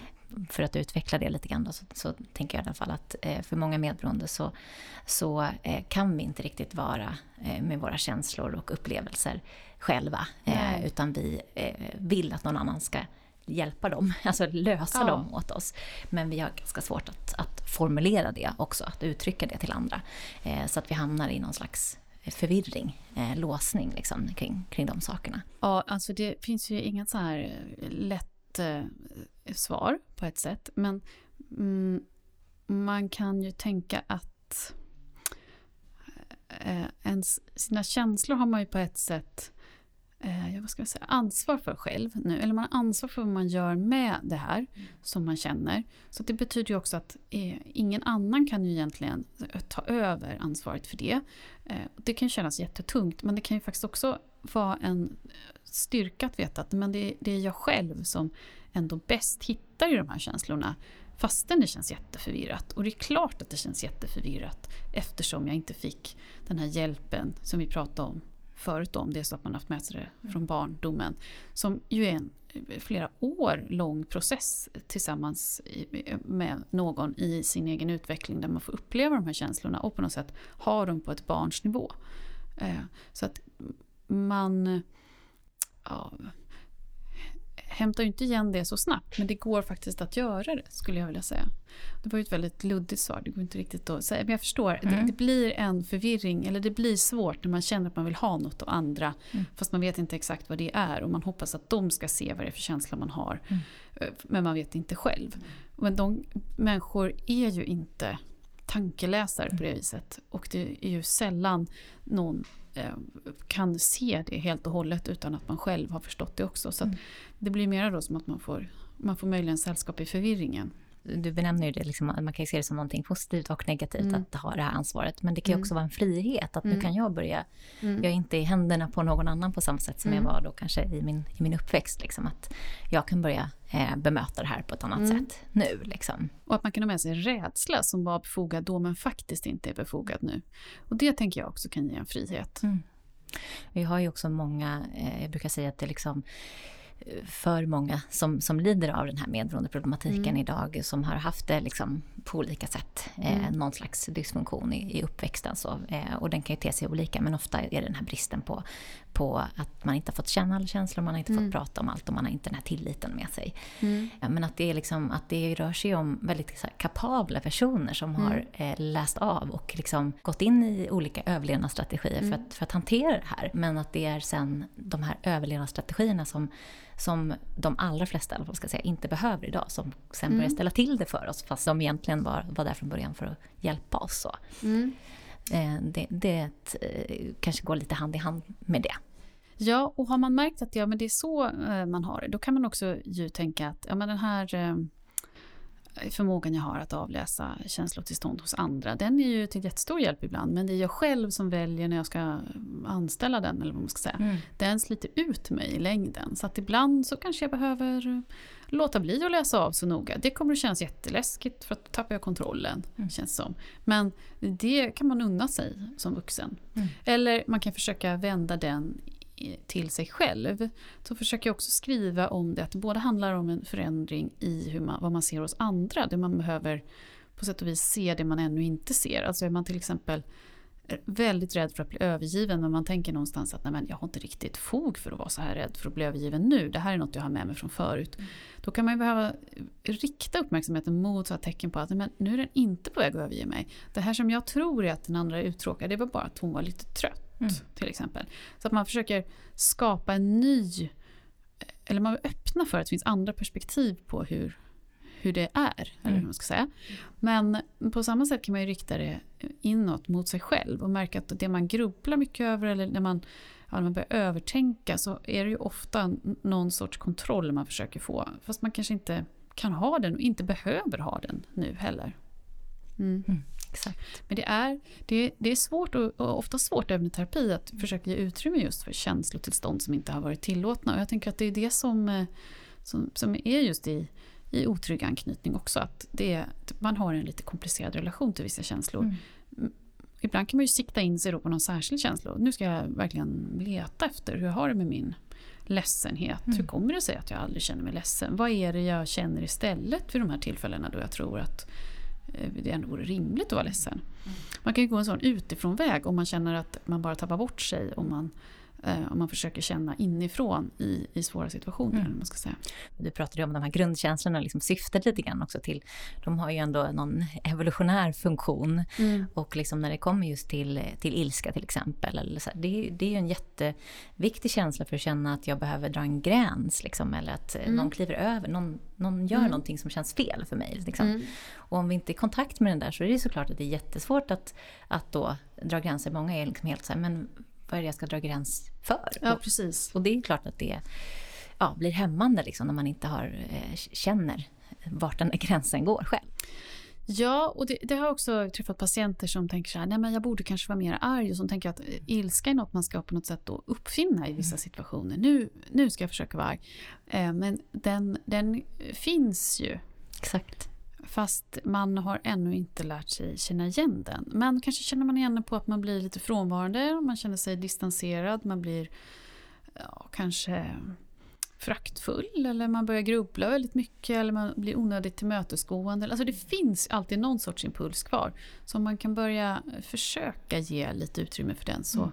och inte tänka att det ska gå på en dag Nej. utan att man, man får ja, det är ett nyfiket utforskande som man ägnar sig åt. Att man ger sig av i en viss riktning när man försöker ändra på det här. Mm. Mm. Eh, jag tänker på föräldraperspektivet här. Du, mm. du har ju berört det lite grann också, sådär, men jag tänker att eh, ta upp det därför att eh, som jag sa då, det, det, finns ju de, eller ganska många som kämpar då med sina egna problematiska anknytningar eh, på olika sätt. Särskilt många i den här gruppen då som, som relaterar till att vara medberoende mm. eh, blir ju, eh, får väldigt höga krav på sig själva och, mm. och är ganska bra på att känna av men att det går lite över gränsen där. Att, att eh, jag känner inte mig själv utan jag känner bara eh, mm. andras känslor. Och framförallt så har, har väldigt många väldigt hårda och höga krav på sig själv. En, en känsla av att man eh, måste göra rätt som förälder mm. hela tiden. Mm. Eh, vad kan du säga till dem? Att man måste, man måste verkligen inte göra rätt Nej. hela tiden. Eller det, det, det är rätt är ju också ett ord som skaver lite i sammanhanget för det är ju framförallt samspelet som är viktigt. Om man då tänker från på be med en bebis så är det ju just det här eh, att man är båda två, och att det blir lekfullt de små korta stunder bebisen är vaken och pigg och att man kan ha omsorg om bebisens behov i de andra stunderna. Det är viktigt att man också får ha roligt och ha glada stunder tillsammans där man just eh, har det här utforskandet trots att man kanske är jättetrött. Att man att man känner att man, att man kan unna sig det kan man säga. Ehm, eh, och, ja, och att väldigt, väldigt mycket går ju att reparera. Om man blir arg på sitt barn, nej man säga förlåt, jag bara tappade det. Eh, hur blev det här för dig? Med ett lite större barn. Eller på något motsvarande sätt med ett mindre barn. Så jag tänker att man... Eh, det, som man kan ha, det som kan vara svårt om man själv har haft en eh, uppväxt som inte var så bra är ju att man inte har något naturligt att på något sätt förhållas till och säga så, ja, nej, men så här eh, har jag varit med om och det blev ju bra. Utan man, man kan vara lite vilsen där. Men man kan också ju, om man har tänkt mycket på de här sakerna så har man ju kommit en bra bit vidare från där man själv var när man var barn. Så då tänker jag att man också ska minnas det, att man är på en annan plats mm. än vad, vad man var då när man var barn. Och nu är man faktiskt en vuxna. Man har ju sett att trygga anknytningsmönster eller en, sån anknytningsstil kan ju ibland faktiskt utvecklas just av, eller att få barn blir som en startpunkt för man förstår kanske också bättre att jag själv har varit så här hjälplös. Eh, och nu, nu förstår jag att mina behov som jag hade, de är ju helt rimliga. Mm. Men de blev inte mötta. Och det är ledsamt förstås. Men då förstår jag också att ja, men här, det går ju faktiskt ganska mycket enklare än vad jag trodde att möta mitt barns behov. För kanske har man också hört historier om att man var ett väldigt jobbigt barn exempelvis. Eh, och så upptäcker man att men det, det, var inte så jobbigt. På det här sättet var det inte. Alltså det, det är inte oöverstigligt jobbigt kan man tänka att man, mm. att man märker när man själv får barn. Så jag tänker att det är, också en, det är i bästa fall också en period då där det kan läka och förändras. Och att man genom att följa sitt barns eh, naturliga känslor också faktiskt kan upptäcka samma känsloimpulser i sig själv. Mm. Så det beskriver en del personer i terapi. att nej men Nu ser jag att mitt barn, när hon är arg, då förstår jag att jag kan också vara arg. Och det behöver inte betyda att jag får ett fruktansvärt vredesutbrott. Utan det betyder att jag säger nej men det här vill inte jag gå med på. Eller så. Jag tycker det var bra att du tog upp det där också att liksom, om vi gör då nu vill jag verkligen göra citationstecken här på mm. fel, mm. eftersom att väldigt många är så himla liksom, inriktade på att mm. jag får inte göra fel, jag måste göra rätt. Liksom, mm. tiden. Men det blir ju också, jag tänker att eh, det ger ju ytterligare en, en liksom, kompetens till barnet att se att aha, okej, okay, man kan göra fel mm. och då kan man be om ursäkt. Precis. Och det tänker jag, ser jag som en, en väldigt tendens eller en brist hos, hos många som har just den här perfektionismen mm. själv. Att man har kanske det, det fanns inte utrymme för att Nej. göra fel eh, liksom, i, i den här ursprungsfamiljen eller anknytningsrelationen liksom, från, från början. Mm. Så att det kanske är en väldigt fin gåva till, till sitt barn att, eh, att visa att det, det är helt okej. liksom, och Precis. bara att det handlar om hur, hur det repareras. Liksom. Mm. Det var väldigt bra påminnelse, Mm, tänker mm. jag, tror jag, för många. Och Man kan ju också tänka, men den här perfektionismen, om man nu känner att man är en människa som ja, har, har väldigt höga krav på sig. Är det någonting som jag vill ge arv? Nu kanske jag säger, det kanske låter provocerande här, men nej, det kanske jag inte vill. Nej, men då behöver jag ju faktiskt också befria mig själv från den, så att jag inte skickar med den. Eh, utan visa just att ja, vi, kan, vi kan ta det lite lugnt här på något sätt. Mm. Eh, Man behöver inte... Ja, det, precis. Det, barn är ju som sagt väldigt anpassningsbara på gott och ont. Men eh, då kan man också, då finns det också stora möjligheter just att reparera eller att eh, anpassa sig till något nytt som är bättre, eller hur man ska säga. Mm. Mm. Och du skriver ju om liksom, good enough eller tillräckligt, Mm. att det är bra nog. Varför är det bra nog, så att säga?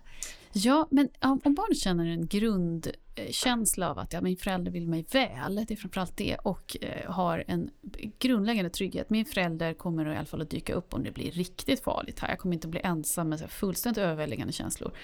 Då kan ju barnet känna, och nu pratar vi återigen mestadels då små barn, kan jag också känna så här att om eh, att man också försöker igen. Man blir kanske lite sporrad att försöka igen om inte föräldern riktigt förstod. Man har sett att ja, lite lagom feltolkning, det gör ju också att det blir lite eh, intressant att försöka på ett nytt sätt. Ja, men nu vill jag att du ska förstå. Så att man liksom står på sig och försöker förklara en gång till. Och även om det är lite frustrerande att behöva förklara igen så gör ju det en också bättre på socialt samspel, för så kommer det ju vara sen. Man möter en massa människor som förstår, lite halvdant. Och då kanske man måste förklara en gång till. Så det viktiga är just att man inte ger upp, inte att någon förstår perfekt ända från början, utan att man, man stöts blöts mot varandra och eh, ser eh, och försöker ehm, ja, balansera sina egna behov mot den andra. Och det är det man, vi också vill lära våra barn, tänker jag. Mm.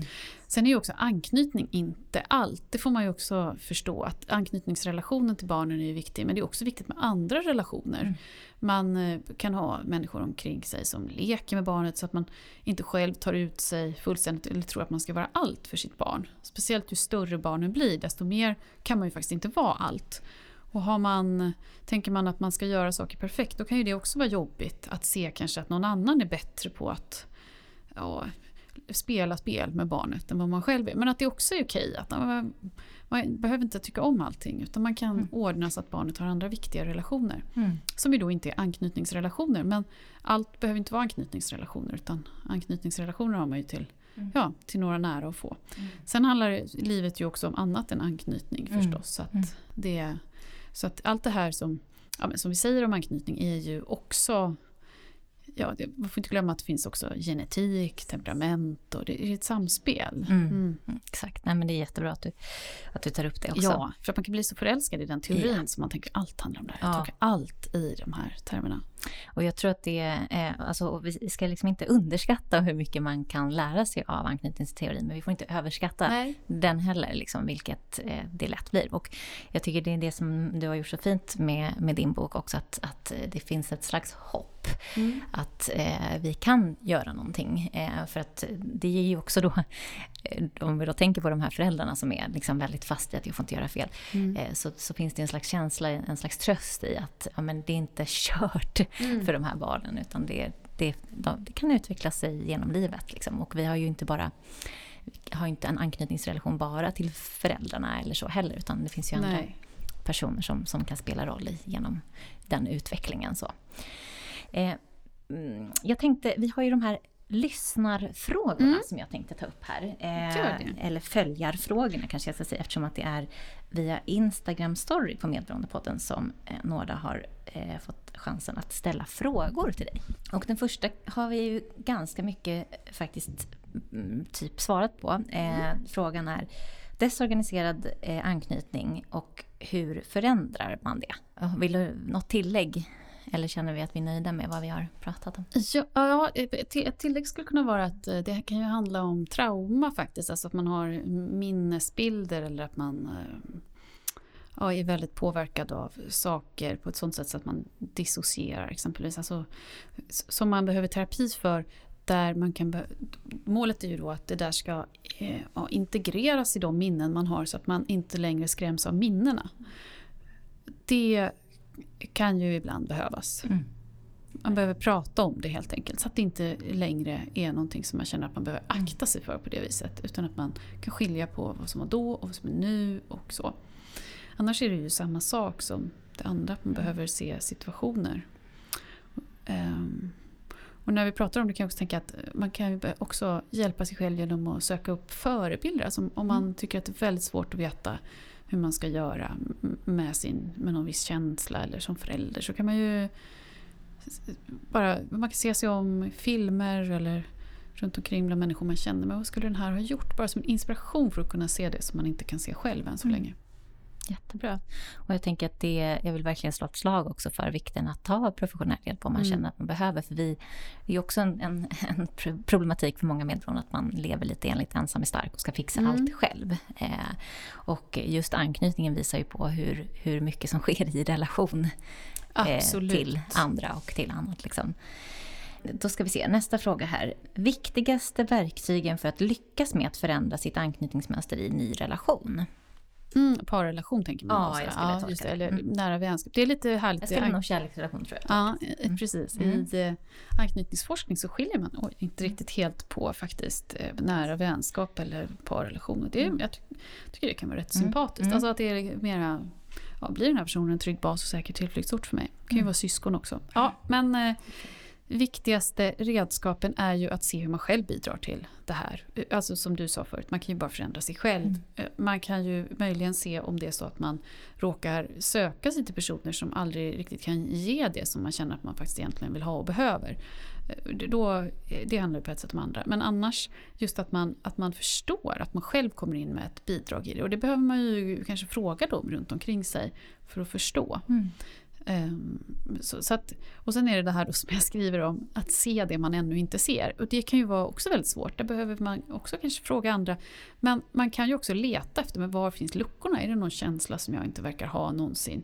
Eller kör jag väldigt mycket på ensam är stark? Ja, men finns det någon annan sida av mig då? Hur skulle det vara att göra på ett nytt sätt? Att bara börja fantisera mm. och reflektera på det där sättet gör att man ja, expanderar vad man tänker är möjligt. Mm. Och det är också ett bra mm. sätt. Men annars skulle jag säga, titta på känslor, titta på speciella situationer. Det är bra. Eh, jag har så svårt att särskilja på när det är min anknytning och när det är den andras otydlighet. Mm. Och då får vi också tänka då nära relationer. Eh, mm. Det står inte något specifikt här. Men, mm. Ja, jag får inte upp någon särskild bild i huvudet. Jag vet inte riktigt vad, hur ska vi tolka jag Om jag skulle tolka baserat på hur medberoende mm. brukar tendera här så, så, skulle jag tippa på att det är faktiskt det du precis pratar om när det handlar om andra. Att vi kanske eh, också har en tendens att eh, attraheras eller dras till en viss typ av person som kanske inte riktigt kan ge oss eh, Mm. vad vi behöver. Och där är det ju eh, ganska många medborgare som hela tiden känner att men det, antingen är det då eh, att du inte ger mig vad jag behöver. Eh, eller att allting är vad jag ska göra bättre, eller jag ska fixa, mm. eller jag ska lösa. Liksom. Eh, så jag kan tippa att det liksom, när har det med mig att göra och när är det liksom på den andra? Mm. Var går gränsen kanske då? En svår sak ju att veta faktiskt, för alla skulle jag säga. Men ofta kan man också, man kan ibland bli hjälpt av att se det som att det är samspelet. Eh, exempelvis kan det vara så att Säg att man är i en nära relation och en, när det blir bekymmer, när man är oense om något, då drar sig den ena undan och säger nej, nej, det var ingen fara, inget har hänt. Och den andra blir mer så här att den går på och säger jo, men nu måste vi prata om det här genast. Då kan man se att det som båda faktiskt försöker göra är ju att lösa problemet. Mm. Men man har helt olika uppfattning om hur det ska gå till. Och i det, i det fallet så blir ju eh, själva samspelet ett problem. För då kommer den ena att irritera sig på att, att någon försöker komma för nära och den andra kommer att känna sig eh, ja, övergiven. Mm. precis. Och då, Eh, jag tänker att om man, kan, om man kan prata om det så, jag försöker faktiskt göra mitt bästa för att eh, det här ska gå att lösa. Ja men det är ju också, säger den andra. Men man kan se att man har olika sätt att göra. Inte att man är olika personer utan här har man lärt sig olika saker. Och så kan man kanske tänka, men hur ska vi göra istället då? Mm ja. Jag tänker inom kommunikation pratar man lite grann om metakommunikation, det vill säga Mm, när, man, när det inte precis. når fram här så kan vi börja prata om kommunikationen istället. Ja. Liksom. Nu upplever jag att vi inte når fram här Mm. till exempel. Så det är väl lite eh, snudda på det du beskriver. Verkligen. Eh, och tänka ändå att den andra kanske har en god avsikt. Mm. Sen tänker jag också att allt, ja, men att eh, allt inte behöver lösas utan att vi kämpar på som människor och det, ibland så skaver det. Och Jag tror att det också kan vara en, en sån sak. Har man med sig att man har behövt ha kontroll över situationer, att man behövt känna in andras känslor oerhört mycket, kan det också vara lite svårare att kanske släppa något och, och tänka så här att ja, nej, vi kommer inte längre idag. Nej, men vi, det får vi tar en annan dag. Mm. För man tänker att då har man inte löst problemet Nej. och det behöver man göra. Men ibland behöver man kanske inte det, utan man kanske får ett nytt perspektiv senare. Verkligen. Ja, jättebra. Mm.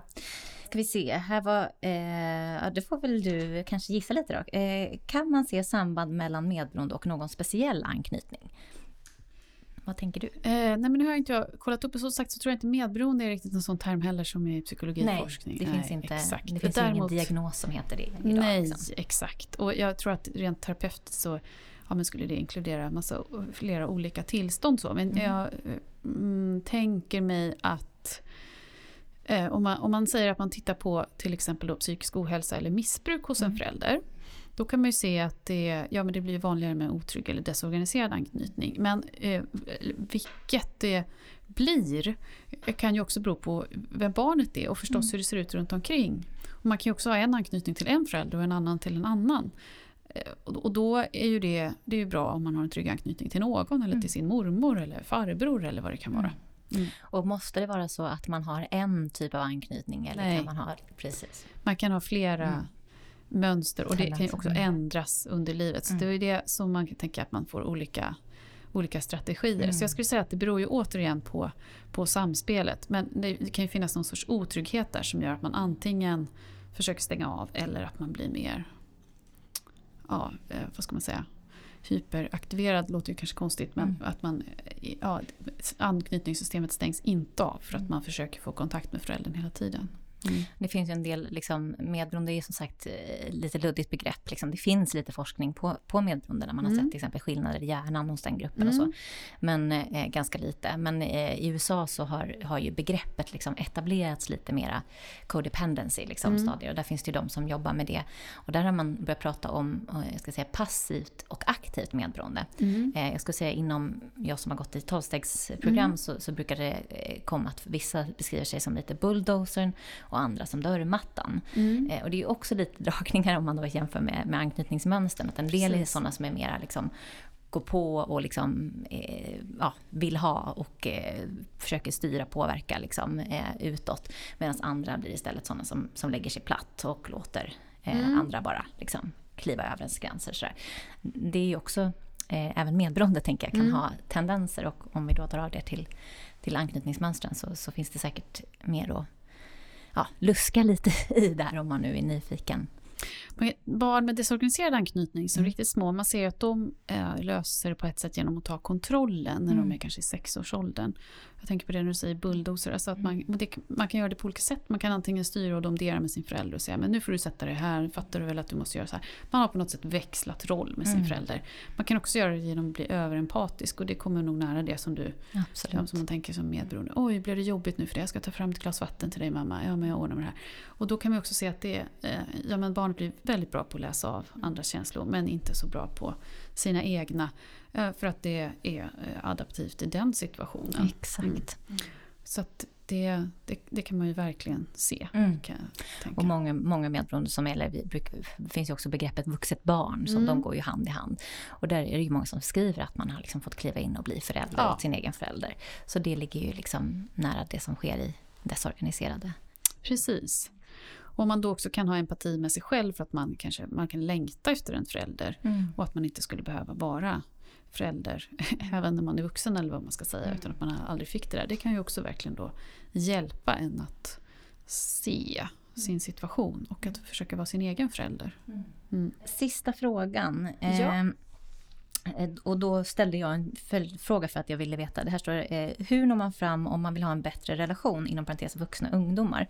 Och då frågade jag vad det var för typ av relation och då var det alltså en från ett förälders perspektiv till ett då eh, vuxen ungdomsbarn. Mm. Vad säger du om det? Ja, det är ju så att ju äldre barnen blir desto mer reglerar de eh, avståndet själva också och kan göra det och kan tyvärr avsäga sig kontakten med en förälder. Man kan försöka lyssna på barnets historia och komma ihåg att man alltid är förälder i relation till barnet. Men eh, ska man behöver förstå att man har ett överläge även om det inte känns så. För att man är den som har varit föräldern och varit med när barnet har varit litet. Mm. Så att det, och det försvinner på sätt och vis inte. Så man kan tycka att man har en jämbördig relation i vissa avseenden. Men barnet kommer ju att uppfatta sig som i underläge och kanske bara arg. Och man behöver inte, man ska inte, gå, man behöver inte gå in i någon sorts argumenterande med det vuxna barnet. Utan eh, mer att ta emot den berättelsen, tänker jag. Om, man, om det man vill är att bevara en relation till mm. barnet. Mm. Mm. Och du beskrev ju det också lite grann det här när man gör sig till den enda eh, mm. liksom för, för barnet. Det är ju ganska vanligt också hos då, eh, personer med medberoende problematik att, att man eh, liksom ska fixa, ta hand om allt. Men då blir det ju också ett problem när barnet börjar växa och det är ju mm. viktigt att barnet får frigöra sig och liksom, ja. eh, känna sig kapabel själv och så.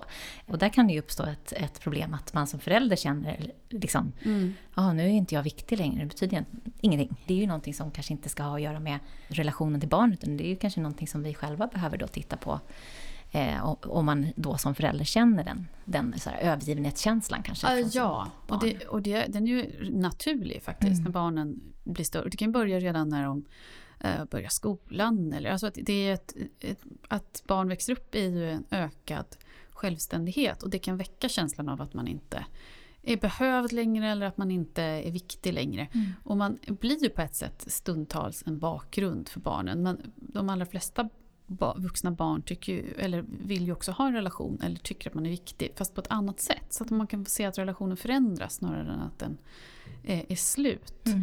Och försöka återigen se sin egen del i att men det handlar inte bara om att vara behövd utan nu är jag också befriad från att vara behövd hela tiden. Det är fantastiskt. Nu börjar ett annat stadium i relationen till mitt barn. Och mm. kanske vissa barn, inte, vuxna barn vill ha mindre kontakt under en period men kan komma tillbaka. Så man man behöver ju eh, bära den mm. känslan själv fast man är besviken och ledsen. Mm. kan man säga. Mm. mm. Jättefint. Tusen tack, du har verkligen... Eh, jag tror att det här kommer att vara väldigt, väldigt hjälpsamt för, för många som lyssnar. Är det någonting du skulle vilja tillägga? Om du har någon eh, ja, någon historia där det har kanske kunnat hjälpa någon som har haft en, en, en liksom otrygg eller desorganiserad anknytning och som det har gått bra för eller något sånt? Eller, oh, eller något annat som du jag känner? Jag kommer inte på något exempel nu, men det som slår mig är en terapi... Eh, jag läste om en terapi som en, eh, ja, en terapiforskare och terapeut eh, beskrev. Mm. Diana Forsa heter hon. Och hon beskrev, hur, hon beskrev slutfasen av en terapi med en man som hade haft det ja, oerhört svårt just med föräldrar med missbruk och som hade helt försummat sig själv också genom livet. Men så hade han gått i terapi och blivit mer medveten om sina egna behov och ja, till sist också lyckats hitta sätt att uttrycka dem. Så han säger, men det är som att jag har två bilder nu. Jag kan se den här... Eh, eh, jag kan se mitt lidande och så kan jag välja att gå in i det på något sätt. Men det är också som att jag kan hänga av med det lite grann som en eh, rock. Eh, och så är jag ju någonting annat också och det är lite skrämmande men det är också väldigt spännande och jag känner mig sårbar men ändå väldigt eh, mycket bättre rustad nu. Och jag tycker det kan vara en, en fin bild för mm. man lägger ju också av sig någonting eh, när man går vidare till, ja, till ett mer tryggt anknytningsmönster. Man har med sig en uppmärksamhet och en eh, sårbarhet som man har haft men man, man lämnar något och går in i något annat. Mm. Jättefint. Mm. Eh, tusen tack Camilla för att du har varit med och för att du har varit så generös med, med allt du har berättat. Eh, och som sagt, jag tipsar verkligen alla att läsa och köpa boken. Båda dina böcker för den delen, men särskilt i och med att det är den vi har pratat om, då är anknytning i relationer. Mm. Förstå och förändra dina mönster. Ja. Det är det vi ska göra. Tusen tack Camilla. Ja, tack för att jag fick komma. Tack. Camillas bok heter Anknytning i relationer, förstå och förändra dina mönster. Den finns att köpa i de allra flesta bokhandlar. Vill du veta mer om medberoende och vad du kan vända dig för att få hjälp? Då kan du gå in på vår hemsida www.medberoendepodden.se Du kan även ansöka till min digitala grundkurs i medberoende som är förlagd på Zoom där vi ses förtroligt den ger dig allt du behöver för att kunna ta steget in i, i tillfrisknande från medberoende. Mer information finns på hemsidan under fliken kurser. Arbetar du på kommun, region eller någon verksamhet som möter anhöriga i ditt yrke? Då kan du boka mig som föreläsare. Läs mer på hemsidan under fliken föreläsning. Och i sociala medier heter vi Medberoendepodden. Följ oss där.